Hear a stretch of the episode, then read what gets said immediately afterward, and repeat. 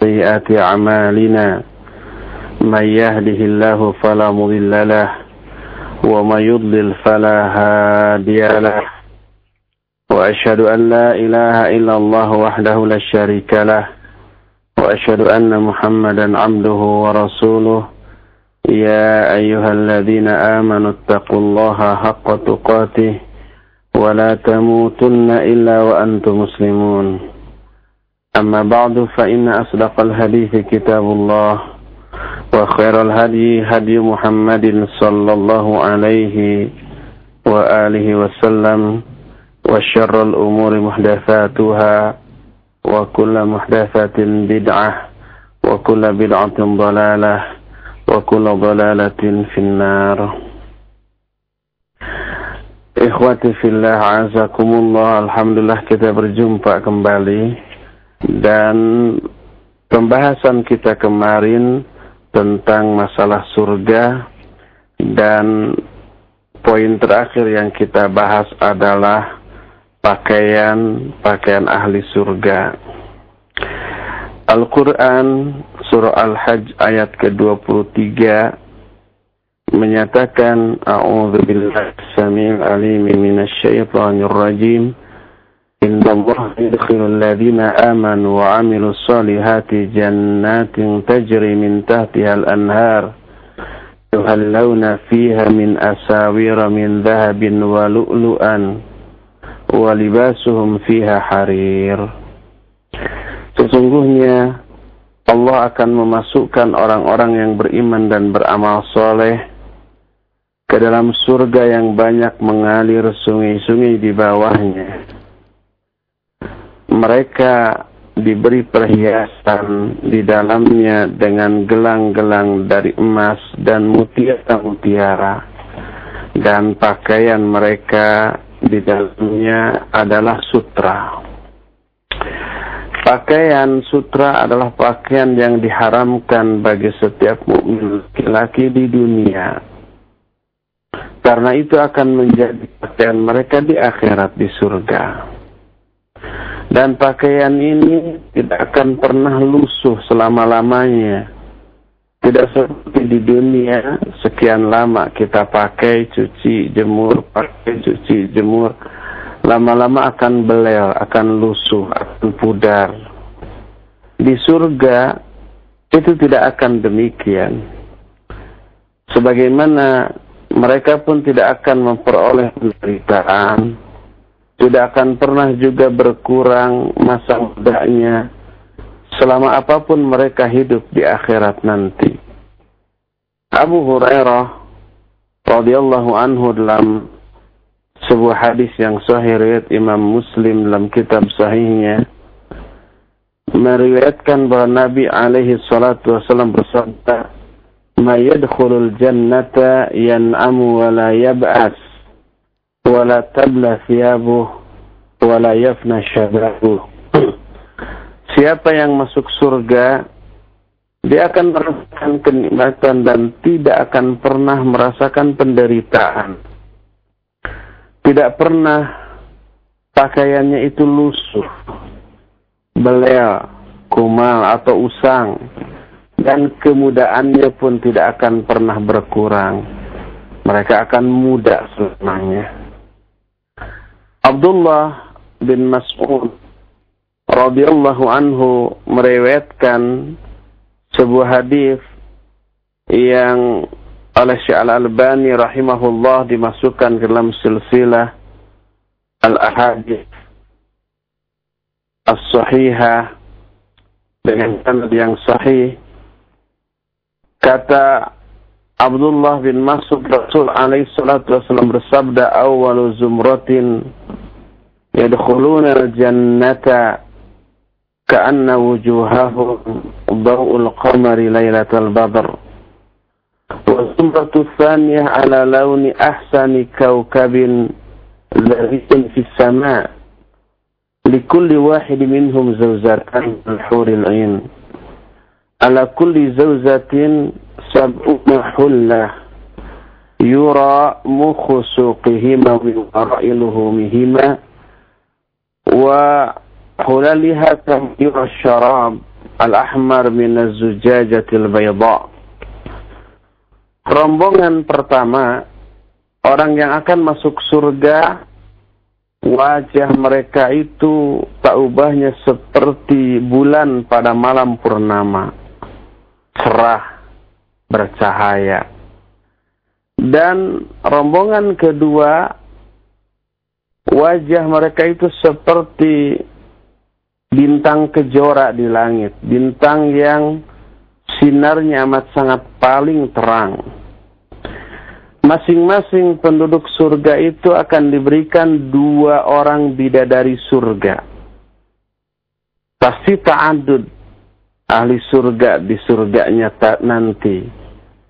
Di dunia nggak sempat atau nggak berani, tapi di akhirat mah pasti minimal dua bidadari surga.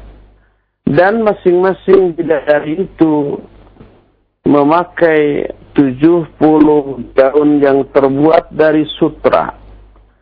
Sampai sumsum -sum kedua betisnya pun terlihat dari balik dagingnya. Saking indahnya. Oleh karena itulah seperti kata Nabi Shallallahu Alaihi Wasallam, terlihatnya minuman warna merah dari gelas kaca yang putih. Ini menjelaskan bagaimana salah satu yang dijelaskan oleh hadis ini pakaian para bidadari surga terbuat dari gaun sutra yang amat sangat indah. Inilah beberapa keterangan tentang pakaian ahli surga. Jadi di surga tidak ada kain dengan kualitas rendah yang dikilo. Tetapi seluruhnya adalah terbuat dari sutra. Selain pakaian, di surga juga ada hamparan-hamparan permadani yang indah selain menciptakan nuansa keindahan juga memberikan kenyamanan dan kenikmatan yang tiada tara. Surah Al-Ghasyiyah ayat 13 sampai 16 menyatakan Fiha surur marfu'ah wa akwabun mawdu'ah wa nagariku masfufah wa zarabiyu mabthufah di dalam surga itu ada surur, ranjang-ranjang yang ditinggikan. Gelas-gelas yang diletakkan rapi dengan jarak yang dekat, mudah diraih. Dan bantal-bantal yang tersusun indah serta wazarabiyu mabsufa permadani-permadani yang terhampar. Mereka duduk di atas permadani-permadani itu yang sebelah dalamnya itu terbuat dari sutra. Sebagaimana surah Ar-Rahman ayat 54 menyatakan, Muttaki'ina fiha muttaki'ina ala furushin bata'inuha min istabra. Mereka itu sandar di atas permadani berpa permadani yang sebelah dalamnya terbuat dari sutra ada lagi bantal-bantal yang berwarna hijau permadan yang amat sangat indah. Ayat ke-76 dari Ar-Rahman menyatakan muttaqiina ala rafrafin khudrin wa abqariyyin hisan. Mereka bertelekan pada bantal-bantal yang hijau dan permadani-permadani yang indah. Dan permadani tersebut tidak ada di dunia saking indahnya karena bagian dalamnya itu terbuat daripada sutra. Selain pakaian, selain juga permadani, ada hal yang merupakan kenikmatan tambahan bagi seluruh penghuni surga.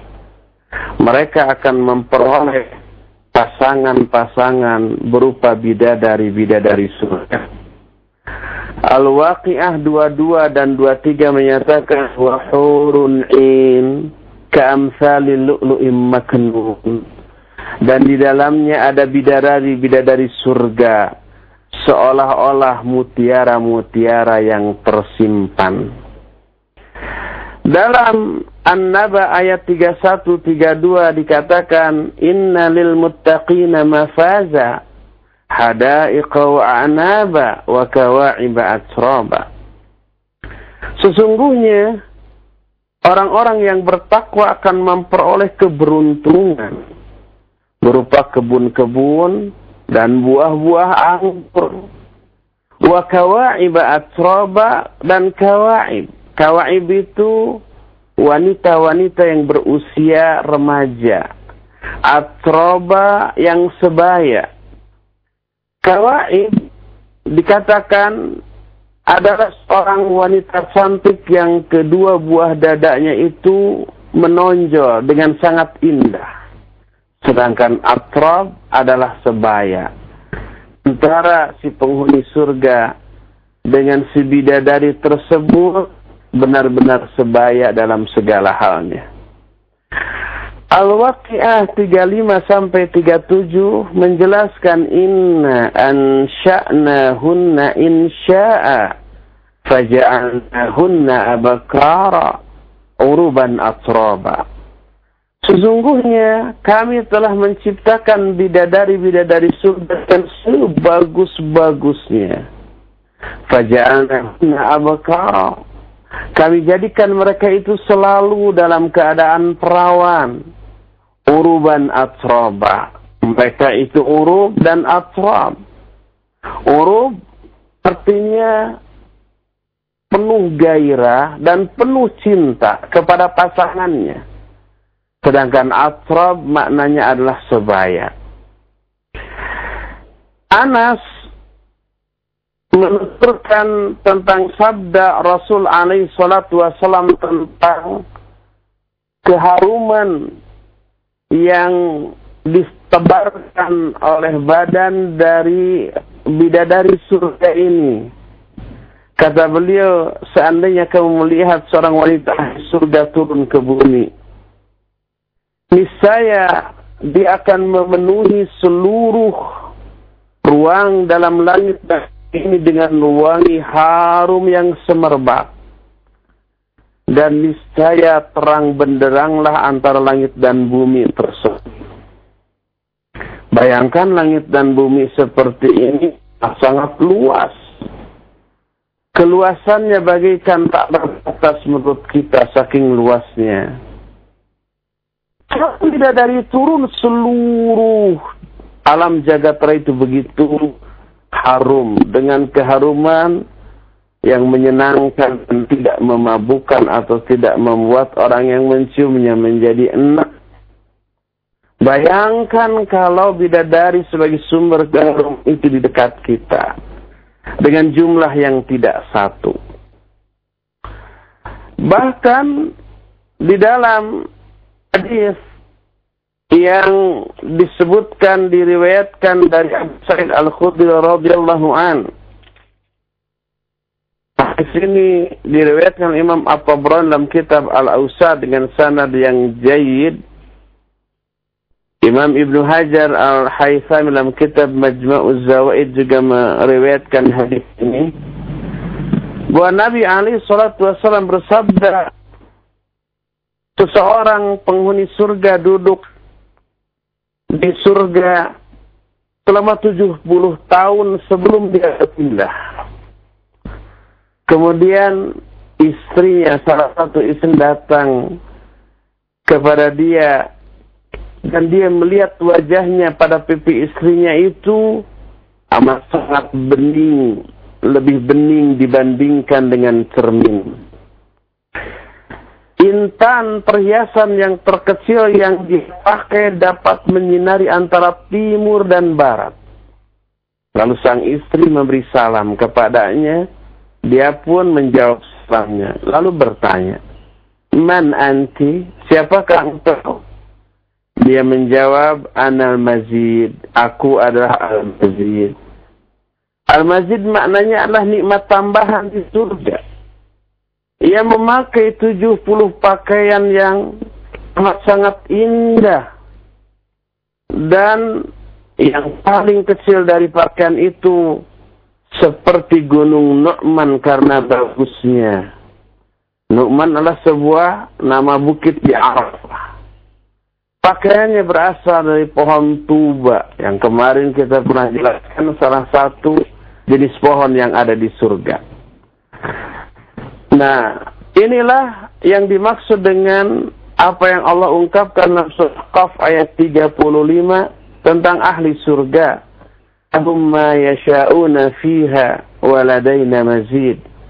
Bagi mereka, bagi para ahli surga, akan memperoleh apa saja yang mereka inginkan di dalamnya. Waladaina mazid dan di sisi kami ada mazid, ada tambahan. Dan tambahan yang dimaksud dalam ayat ini adalah bidadari surga yang tadi disebutkan. Nah, bidadari surga yang akan menjemput calon suaminya di surga kelak sejak sekarang itu sudah ada dan memantau keadaan calon suaminya sekalipun calon suaminya tersebut masih hidup di dunia dan memiliki istri di dunia ketika calon suaminya tersebut disakiti oleh istrinya yang ada di dunia, maka sang bidadari surga tersebut marah dan mengumpat mendoakan keburukan kepada wanita yang menyakiti calon suaminya tersebut. Padahal wanita yang menyakiti ini istri dari laki-laki ini di dunia. Salah satu hadis yang diterima dari Mu'ad bin Jabbar radhiyallahu anhu diriwayatkan oleh Imam Ahmad dan At-Tirmidzi dan disebutkan oleh Syekh Al-Albani rahimahullah Rasul alaihi salatu wasallam bersabda la tu'zi imra'atun zawjaha fid dunya illa qalat zawjatuhu min rasulil in la tu'dhihi qatalakillah fa inna indaki dakhilun yushiku ayyufariqaki ilayhi Tidaklah seorang wanita menyakiti suaminya di dunia kecuali istri dia di akhirat berupa bidadari surga itu akan berkata La tu'zi jangan kau sakiti dia semoga Allah memerangimu Innaman wa indaki dakhilun. Sungguhnya dia itu sementara aja ada di sisimu, hanya selewat gitu. Yushiku ayyufayati ilaina. Sebentar lagi dia akan berpisah denganmu menuju aku. Jadi para suami yang mungkin yang soleh, ketika disakiti oleh istrinya di dunia, dia dibela oleh istrinya di akhirat dari bidadari surga. Istrinya yang menyakiti di dunia itu dimarahi itu oleh istrinya di surga. Dan ini cukup menghibur bagi para suami ketika dia disakiti oleh istrinya baik, dicemberuti, diomeli, dibentak, dipelototi, didiamkan atau disakiti dalam bentuk yang lainnya. Dan itu tentu saja menghadirkan rasa ketidaknyamanan dalam hati setiap suami. Bagaimana cara untuk mensikapinya agar kita tidak terlalu tertekan dengan kondisi atau situasi seperti itu? Ingatlah hadis ini. Bahwa kita para suami itu dibela oleh bidadari surga Istri kita di dunia itu sedang di, dimarahi, dimaki-maki itu oleh madunya sang bidadari surga di akhirat. Mengingat ini, kita para suami bisa tersenyum ketika dibentak, dimarahi oleh para istri. Dan pasti para istri ke, nanti kalau seperti itu kejadian akan bingung. Kok kamu saya bentak, bentak, biasa balik membentak, kok ini malah tersenyum? Kita jawab, sekarang saya sedang ada yang membela wanita lain yang luar biasa cantiknya. Nama sewat pasti istrinya. Siapa dia? sepuluh bidadari surga. Rasul sallallahu alaihi wasallam bersabda, "La tu'zi imra'atun zawjaha fid dunya illa qalat zawjatuhu min al-huril ain, la tu'zi qatalaki Allah fa innama huwa 'indaki dakhilun yushiku ayyufariqaki ilaina." Tidaklah seorang istri menyakiti suaminya di dunia kecuali sang bidadari surga di akhirat. Itu akan berkata jangan kamu sakiti dia. Hei semoga Allah memerangimu. Dia hanya sementara di sampingmu sebentar lagi dia akan berpisah dari menuju kepada aku dan ini cukup memberikan hiburan yang menenteramkan serta minimalnya mengurangi ketidaknyamanan dalam situasi seperti itu. Itulah para wanita di surga para uh, bidadari surga sebagai mazid atau nikmat tambahan di dalam uh, kehidupan di surga. Lalu bagaimana servis atau pelayanan yang diberikan oleh para bidadari surga untuk para penghuni surga tersebut? Salah satu pelayanannya adalah mereka menyanyi dengan nyanyian yang amat sangat merdu yang belum pernah terdengar oleh seorang pun. Kalau di dunia saja para seniman nyanyi, para pengagum nyanyian merasa terhipnotis dengan lagu, dengan nyanyian sampai mereka berjingkrak-jingkrak, sampai teriak-teriak, sampai meremelek ketika menyanyikan atau mendengarkannya. Memiliki seolah-olah nyanyian itu memiliki kekuatan magis kepada para pendengarnya yang amat sangat hobi itu di dunia. Dengan suara yang merdu untuk ukuran di dunia. Di akhirat sang dari surga nyanyiannya jauh jauh jauh lebih merdu lagi dengan kemerduan yang belum pernah terdengar ketika di dunia. Ibnu Umar radhiyallahu anhu menceritakan sabda Nabi alaihi salatu wasalam dalam hadis riwayat Imam At-Tabrani dengan sanad yang hasan. Sebagaimana dijelaskan oleh Imam Al-Iraq dalam kitab Takhrij Ahadits al-Ihya Rasul Ali SAW menyatakan bahwa istri-istri di surga bernyanyi untuk suami mereka. Dengan suara yang sangat merdu yang kemerduannya belum pernah didengar oleh seorang pun. Di mana pun. Ketika pernah mendengar nyanyian yang amat sangat merdu, itu nggak ada apa-apanya. Dibanding nyanyian sang bidadari surga. Isinya juga tidak vulgar tidak mesum, tidak mengandung unsur foto uh, pornografi. Di antara nyanyian yang disenandungkan oleh mereka adalah kami adalah wanita yang baik lagi cantik.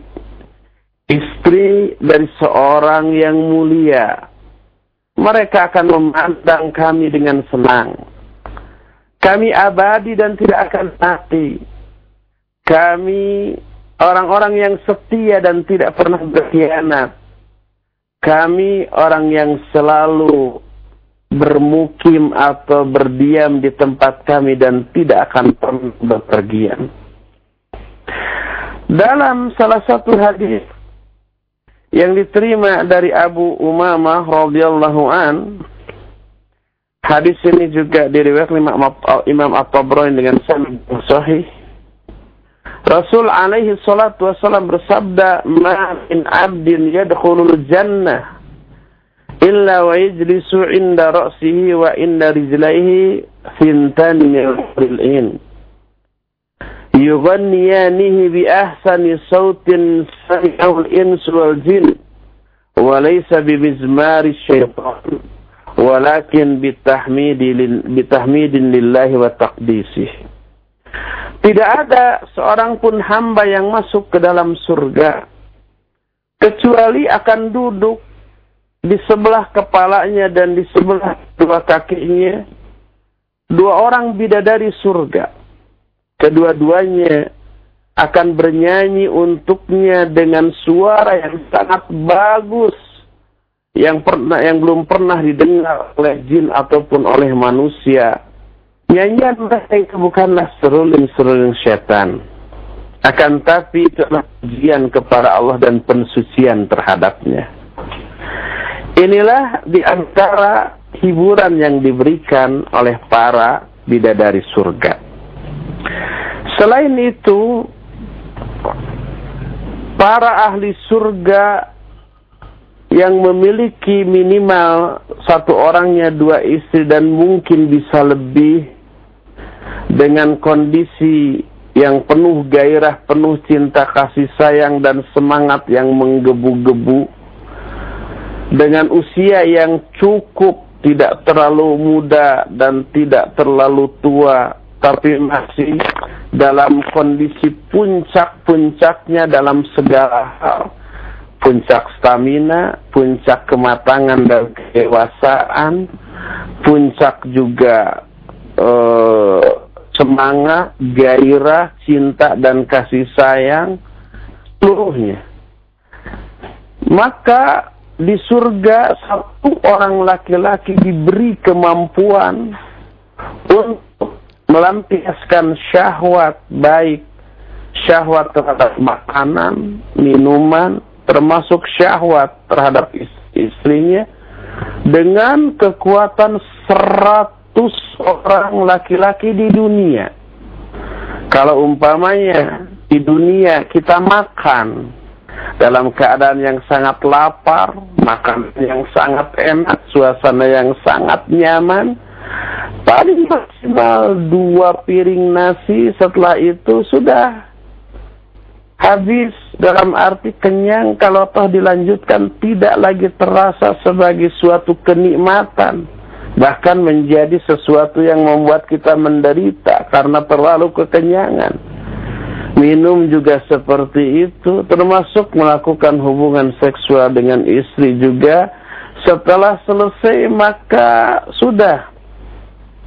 Kita tidak akan lagi merasakan kelanjutan dari kenikmatan dari seluruh yang disebutkan tadi. Adapun di akhirat berbeda, diberikan kekuatan seratus kali lipat dari kekuatan laki-laki di dunia. Sebagaimana dijelaskan di dalam salah satu ayat surah Az-Zukhruf ayat 71 Allah berfirman, "Wa fiha ma tastahi ma tastahihil anfus wataladul a'yun. Di dalam surga itu terdapat segala hal yang diinginkan oleh hati dan amat sangat menyenangkan untuk dipandang.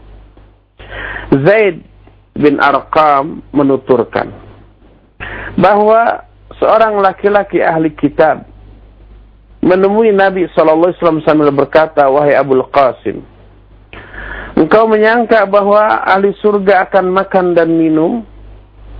Maka Nabi SAW menjawab, Ya, demi Allah, yang jiwaku berada dalam genggaman tangannya, kamu pasti akan diberikan kekuatan seratus laki-laki dalam hal makan, minum, dan hubungan seksual.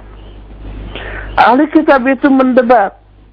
Orang yang makan dan minum itu nanti akan BAB loh akan membutuhkan WC padahal di surga tidak ada kotoran.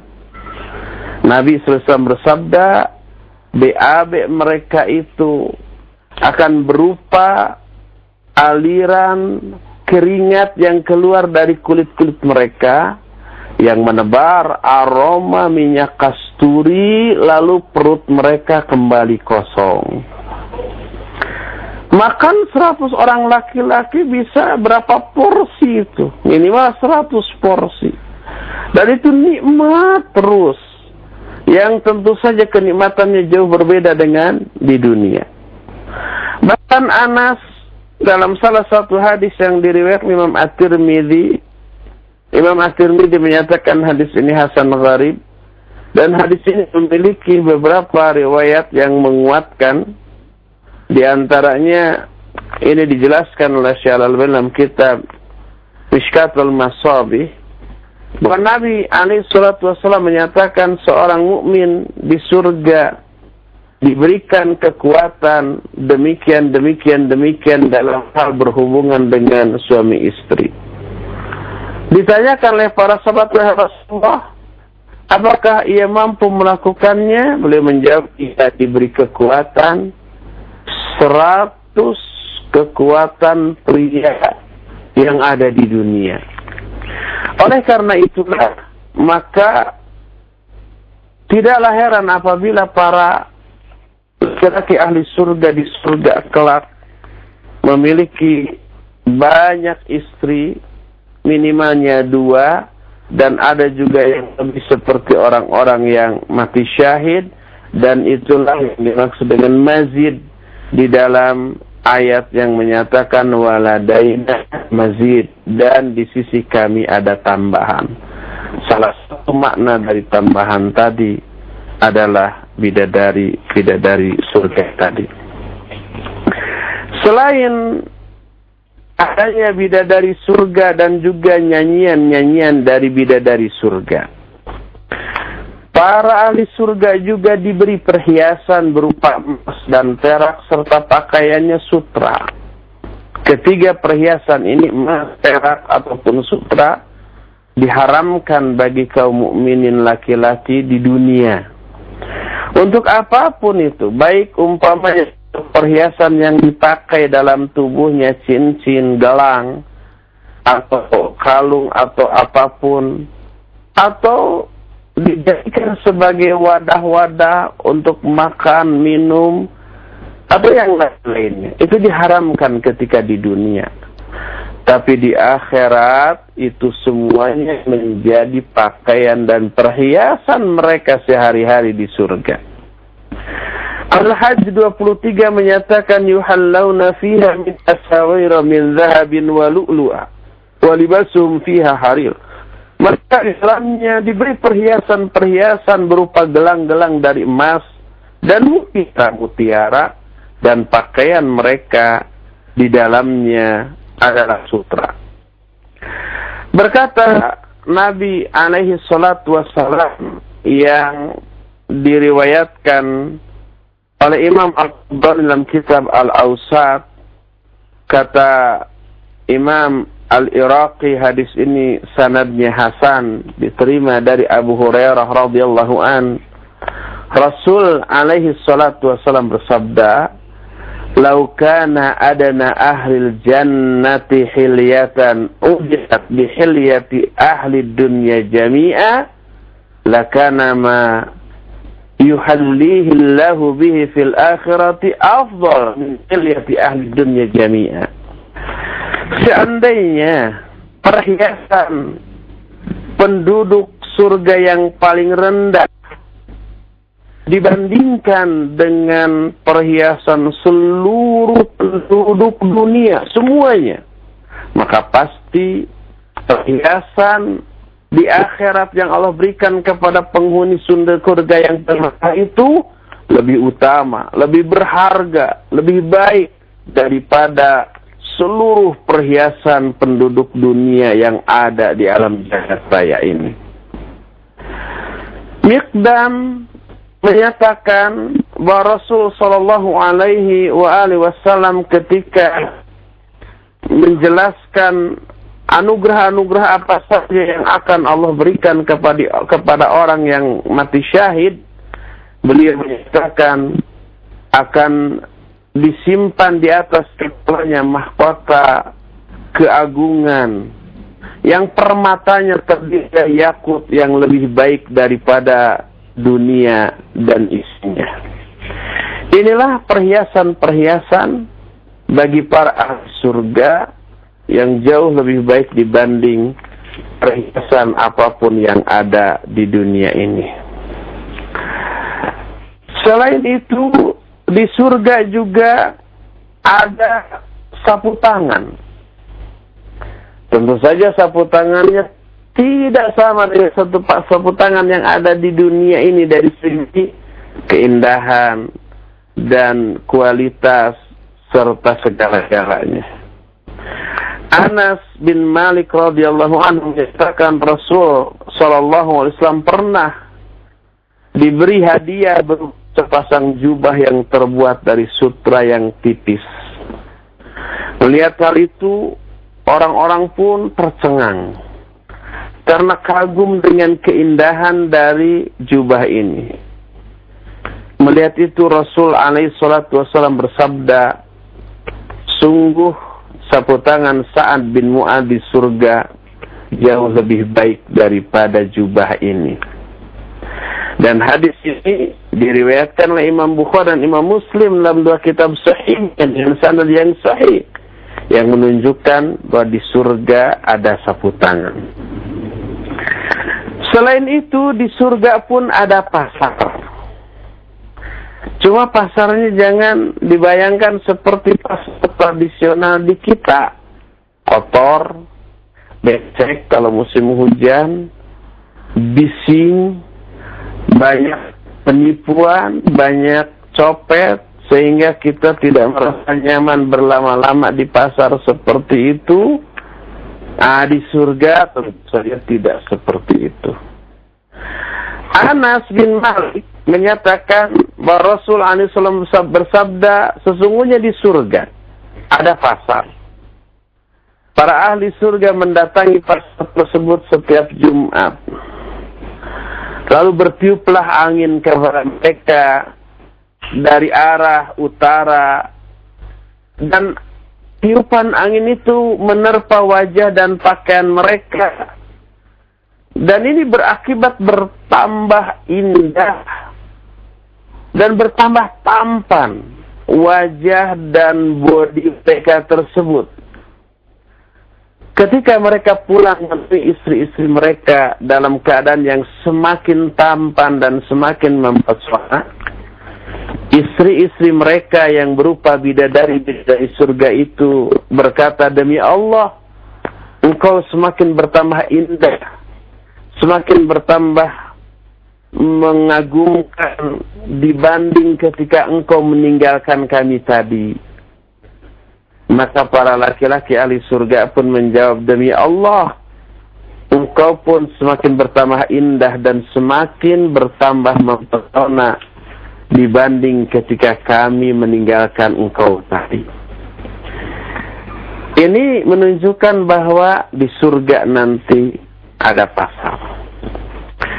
Ada kenikmatan lain yang merupakan puncak kenikmatan yang teralami oleh para ahli surga dibanding kenikmatan-kenikmatan yang lainnya.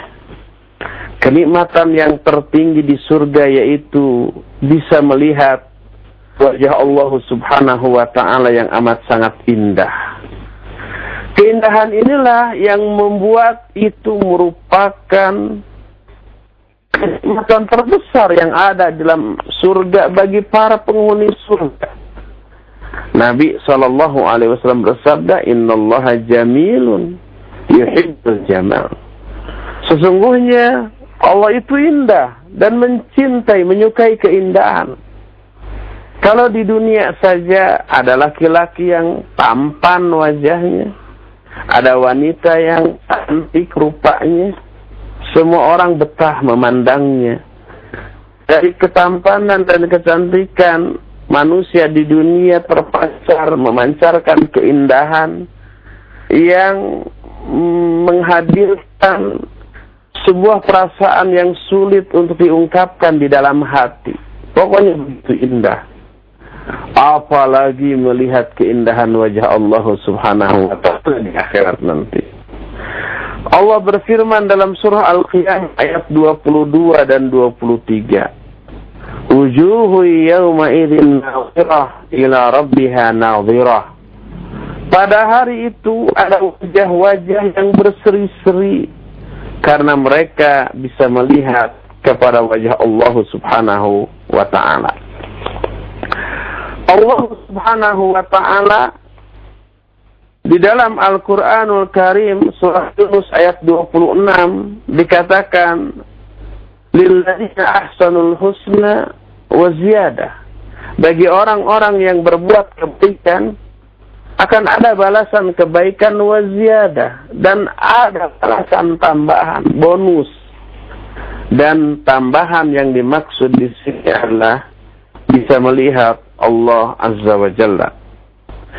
Syuhaib meriwayatkan bahwa Rasul Ali salatu wasallam bersabda, "Idza dakhala jannah, yaqulu Allah عز وجل تريدون شيئا أزيدكم؟ فيقولون ألم تبيض وجوهنا؟ ألم تدخلنا الجنة وتنجينا من النار؟ قال فيكشف الحجاب. فما أعطوا شيئا أحب إليهم من النظر إلى ربهم. ثم تلا هذه الآية للذين, للذين أحسنوا الحسنى وزيادة. Kata Rasul Shallallahu Alaihi Wasallam apabila ahli surga telah masuk surga, maka Allah Azza wa Jalla berfirman, Apakah kalian menginginkan hal lain yang aku tambahkan kepada kalian? Mereka para ahli surga itu menjawab, Ya Allah, bukankah engkau telah mencerahkan wajah-wajah kami memasukkan kami ke dalam surga dan menyelamatkan kami dari api neraka. Jadi ahli surga sudah merasa cukup dengan seluruh kenikmatan yang mereka rasakan itu. Jangankan kenikmatan di surga ya. Di dunia saja orang ini sudah merasa amat sangat betah hidup di dunia walaupun banyak mengalami kesulitan apalagi yang banyak mengalami kesenangan lebih betah. Di surga oh jauh lebih betah lagi daripada itu. Makanya ketika Allah tawarkan tambahan mauta aku berikan tambahan nikmat kepada kalian mereka sudah merasa cukup. Lalu Allah menyingkapkan hijabnya. Penghalang yang tadinya dia tidak bisa dilihat oleh manusia di dunia ataupun di akhirat. Tapi saat itu di surga Allah singkapkan hijabnya. Para ahli surga pun memandang wajah Allah terbelalaklah mereka. Dan keindahan melihat wajah Allah itu merupakan kenikmatan yang pun melebihi kenikmatan lainnya yang ada di dalam surga. Sehingga disebutkan sama utu syai'an ahabba ilaihim minan nazar ila rabbihim. Tidak ada pemberian yang Allah berikan kepada mereka melebihi daripada kenikmatan memandang wajah Allah Subhanahu wa taala. Lalu Nabi alaihi salatu wassalam membacakan surah Yunus ayat 26 lilladzina ahsanul husna wa ziyadah dan bagi orang-orang yang melakukan perbuatan baik akan dibalas dengan kebaikan dan ada balasan tambahan yang dimaksud balasan tambahannya itu adalah bisa melihat kepada wajah Allah Azza wa Jalla. Para sahabat pernah bertanya kepada Rasul alaihi salatu wasalam, Wahai Rasulullah, apakah kita nanti akan melihat Rabb kita pada hari kiamat? Rasul Ali Shallallahu Salam menjawab dengan pertanyaan balik, apakah kalian silau nggak, berdesak-desakan nggak ketika melihat bulan pada malam purnama? Mereka semuanya menjawab, tidak ya Rasulullah. Apakah kalian mengalami berdesak-desakan atau silau nggak ketika melihat matahari yang tidak dihalangi oleh awan? Mereka juga menjawab tidak. Kata Rasulullah SAW, kalian pun akan melihat Allah seperti itu pula. Jadi tidak perlu berdesak-desakan saling dorong untuk bisa memandang kepada wajah Allah Subhanahu wa taala. Inilah keindahan yang terindah, kenikmatan yang ternikmat bagi para ahli surga di surga nanti. Sekarang bagaimana bentuk fisik dan ukuran fisik para ahli surga dan berapa usia mereka di dalam surga tersebut? Sebuah hadis yang diriwayatkan oleh Imam Al-Bukhari dengan sanad yang sahih dan juga oleh Imam Muslim dalam dua kitab sahihnya, Sahih Bukhari dan Sahih Muslim. Hadis ini diterima dari Abu Hurairah radhiyallahu an. Rasul sallallahu alaihi wa alihi wasallam menyatakan bahwa Allah menciptakan Adam dalam bentuknya yang sesungguhnya. Tingginya 60 hasta. Satu hasta itu kira-kira hampir setengah meter 46,2 cm kira-kira begitulah menurut para ahli bahasa. Sehingga kalau tinggi Nabi Adam alaihissalatu wassalam 60 hasta, berarti tingginya beliau itu hampir 30 meter itu. Kalau zaman sekarang nggak ada ya yang 2 meter aja jarang. Ketika Allah menciptakan Adam, Allah berkata Kepadanya pergilah lalu ucapkanlah salam kepada golongan itu tuh, yaitu para malaikat. Lalu dengarlah jawaban salam penghormatan mereka kepadamu.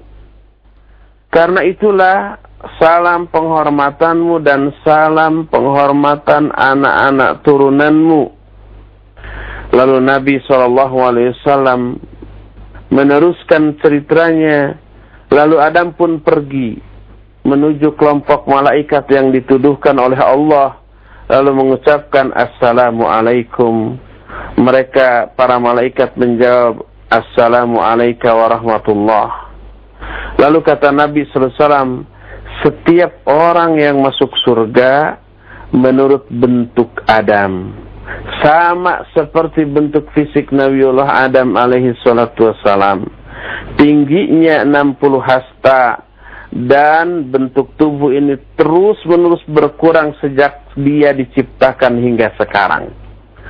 Jadi Nabi Adam alaihi salatu wassalam dilahirkan dan diciptakan dalam postur tubuh setinggi itu dan semakin ke sini semakin mengecil-mengecil sampai di zaman kita sekarang ini ukurannya seperti yang kita alami sekarang ini. Akan tetapi itu di dunia saja terjadi.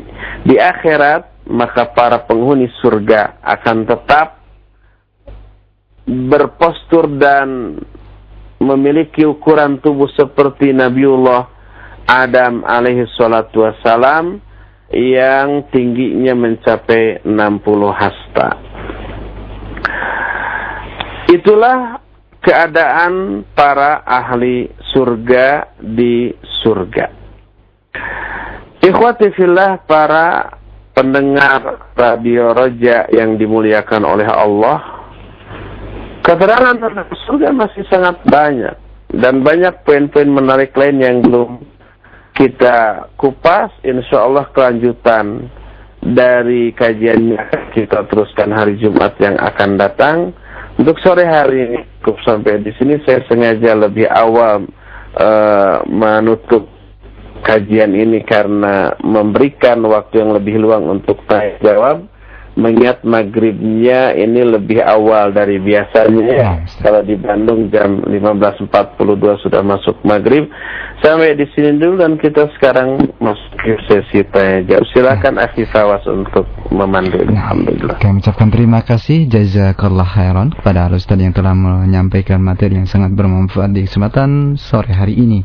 Selanjutnya khotar Islam kami berikan kesempatan untuk Anda yang akan bertanya secara langsung kepada Al Ustaz di kesempatan sore hari ini Anda bisa hubungi kami di 0218236543 atau dengan melalui pesan singkat di 081 09896543. Kami angkat untuk yang pertama dari penelpon. Halo.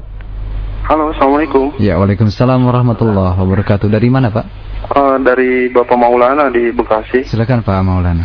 Uh, Assalamualaikum Ustaz. Waalaikumsalam warahmatullahi wabarakatuh. Uh, kadang anak sering jalan gitu, terus uh, kadang melihat pemandangan yang indah, teringat surga gitu Ustaz. Uh, terus uh, itu sebagai pemacu buat ibadah anak gitu. Apakah ini bisa dibenarkan? Kadang ada apa syubhat gitu kalau kita beribadah mengharap surga itu termasuk perbuatan yang tidak dibenarkan gitu aja Ustaz. Syukuran barakallahu fiik. Assalamualaikum. Waalaikumsalam warahmatullahi wabarakatuh. Iya, pertanyaan intinya boleh enggak kita beribadah dengan niat karena ingin masuk surga. Itu ya pertanyaan intinya. Iya, Allah dalam Al-Quran, Rasul Sallallahu Alaihi Wasallam dalam hadisnya sering mengiming-imingi kita dengan iming-iming surga agar kita terdorong untuk beramal. Juga sering mengiming-imingi kita dengan selain surga, umpamanya dengan rahmat, dengan magfirah, bahkan Allah dan Rasulnya pun dalam Al-Quran dan dalam hadis yang sahih sering mengiming-imingi kita dengan iming-iming duniawi. Sebagai contoh umpamanya Allah Subhanahu wa taala berfirman, "Matsal ladzina yunfiquna fi sabilillah kamatsali habbatin anbatat sab'a sanabil."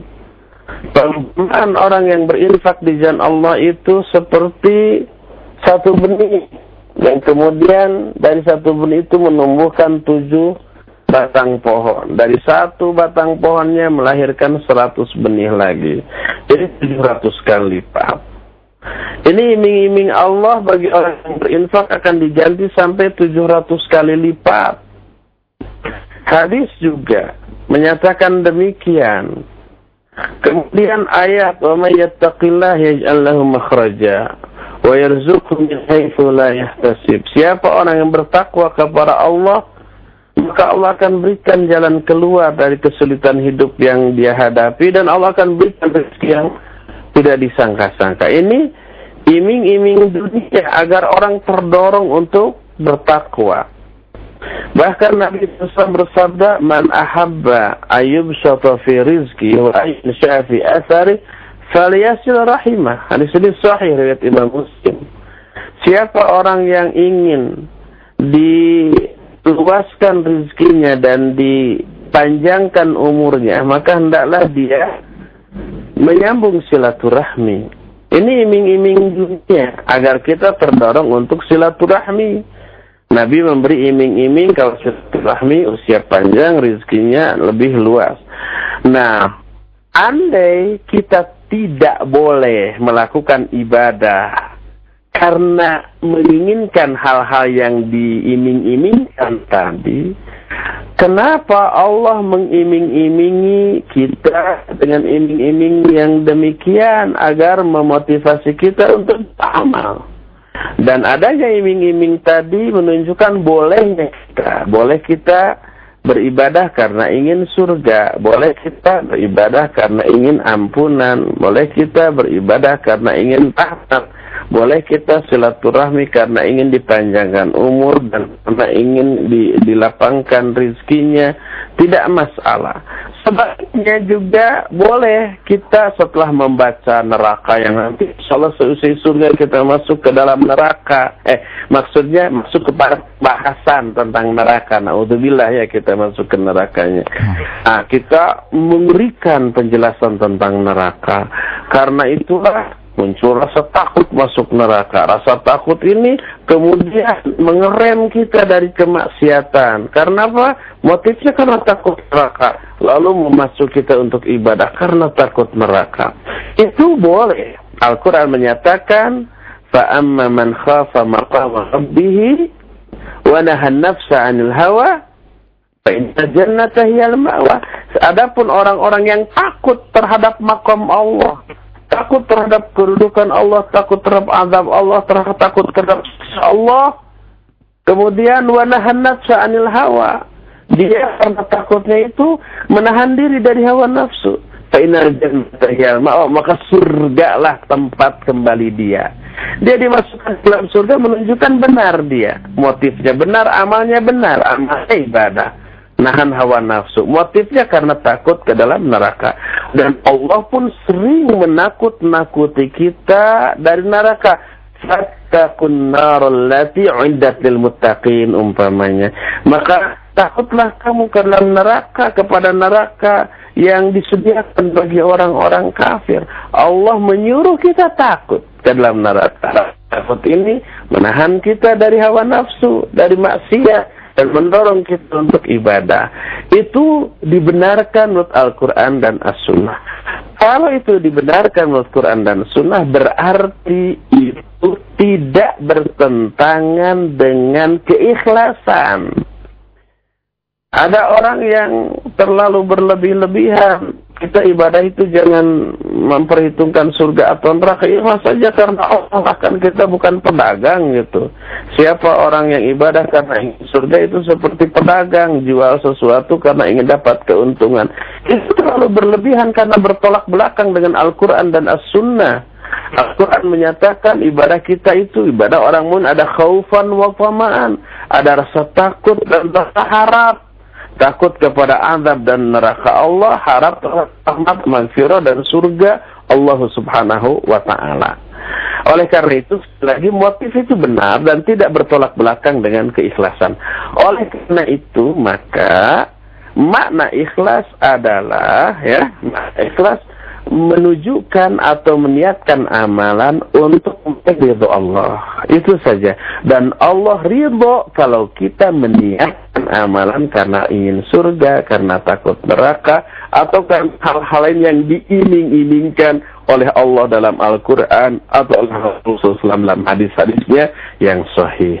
Wallahu a'lam bishawab. Nah, jazakumullah khairan atas jawaban Ustaz dan berikut kami angkat pertanyaan dari Pak Abdul Aziz. Pak Aziz ya di Ciledug Tangerang. Silakan, Pak. Assalamualaikum Pak Ustaz. Waalaikumsalam warahmatullahi wabarakatuh. Mohon maaf Pak dikecilkan radionya atau agak jauh Pak, silakan. Iya. Uh, pertanyaan saya begini.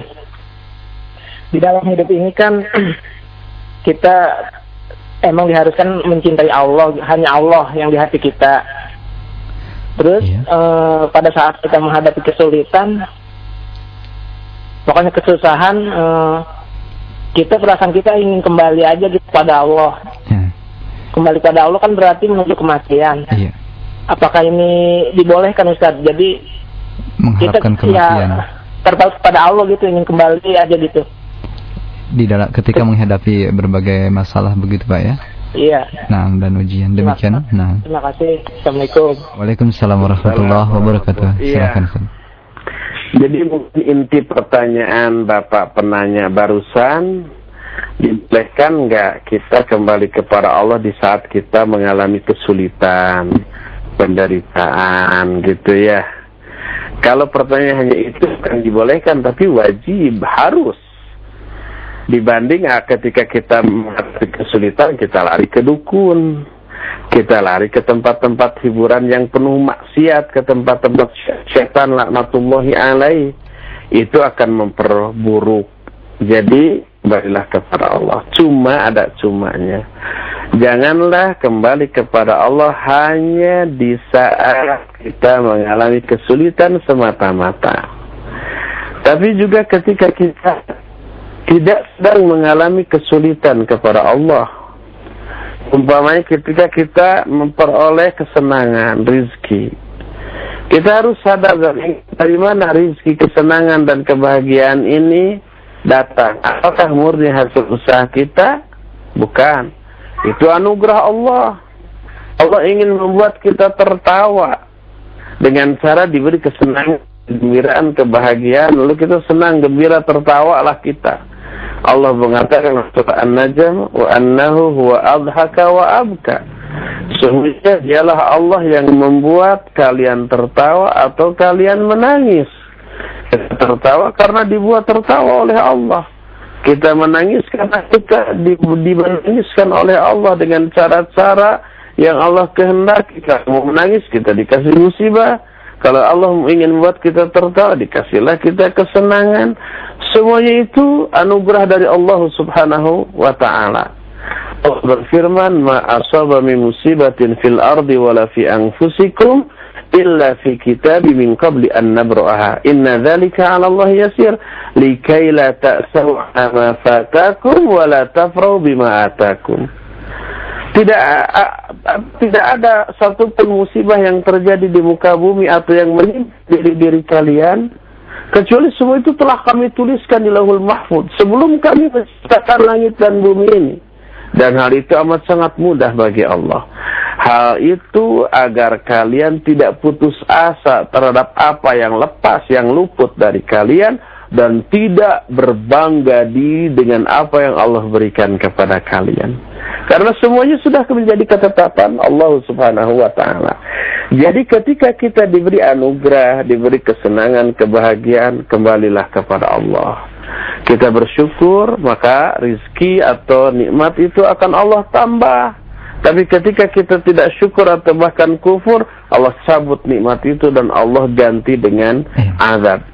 Jadi kembali kepada Allah tidak hanya dalam kondisi ketika kita mengalami penderitaan, musibah, kesulitan, tapi juga dalam setiap saat, setiap keadaan, baik suka atau duka, lapang ataupun sempit, senang atau susah, bahagia atau menderita, tetaplah untuk selalu dekat dengannya. Wallahu a'lam. Uh, ada tambahan apabila yang dimaksud dengan Pak Abdul Aziz tadi adalah kembali kepada Allah maksudnya kita uh, mengharapkan kematian di saat uh, menghadapi uh, berbagai ujian uh, yang menerpa kita bagaimana Ustaz hukumnya? Ah iya. Nah. Bolehkah kita berharap mati? Nah. Ya, ini perlu rinci. Al Imam Al Qurtubi dalam kitab At-Tadhkirah merinci di awal-awal bab meminta kematian ini dengan rincian yang cukup detail. Pertama, intinya begini. Kalau kita minta mati kepada Allah itu karena putus asa dari penderitaan dan kehidupan di dunia, karena umpah sengsara terus, susah terus, menderita terus. Karena itulah kemudian dia tidak tahan berdoa, Ya Allah, matikan saya daripada saya menderita seperti ini. Maka itu haram. Itu tidak boleh. Itu putus asa dari rahmat Allah. Allah menyatakan tak taqutu min rahmatillah. Jangan kalian putus asa dari rahmat Allah Subhanahu wa taala. Tapi kalau ada beberapa kondisi yang dibolehkan seperti umpamanya kalau kita melihat kesempatan untuk mati mulia saat itu belum tentu ada kesempatan lain untuk bisa mati semulia itu. Lalu berdoa ya Allah matikanlah saya dalam keadaan mati mulia seperti itu. Maka itu boleh. Seperti umpama jihad. Perang lawan orang kafir membela ajaran Islam dan belum tentu perang ini akan ada untuk kedua ketiga kalinya. Belum tentu kita memperoleh kesempatan untuk syahid seperti itu.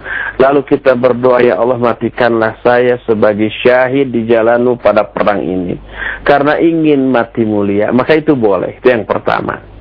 Kedua, dibolehkan juga meminta mati bagi orang yang amat sangat puncak kecintaan dan kerinduannya kepada Allah dia ingin segera bertemu dengan Allah, rahmat Allah, curahan uh, kasih sayangnya kepada dirinya di alam uh, barzah dan di alam akhirat.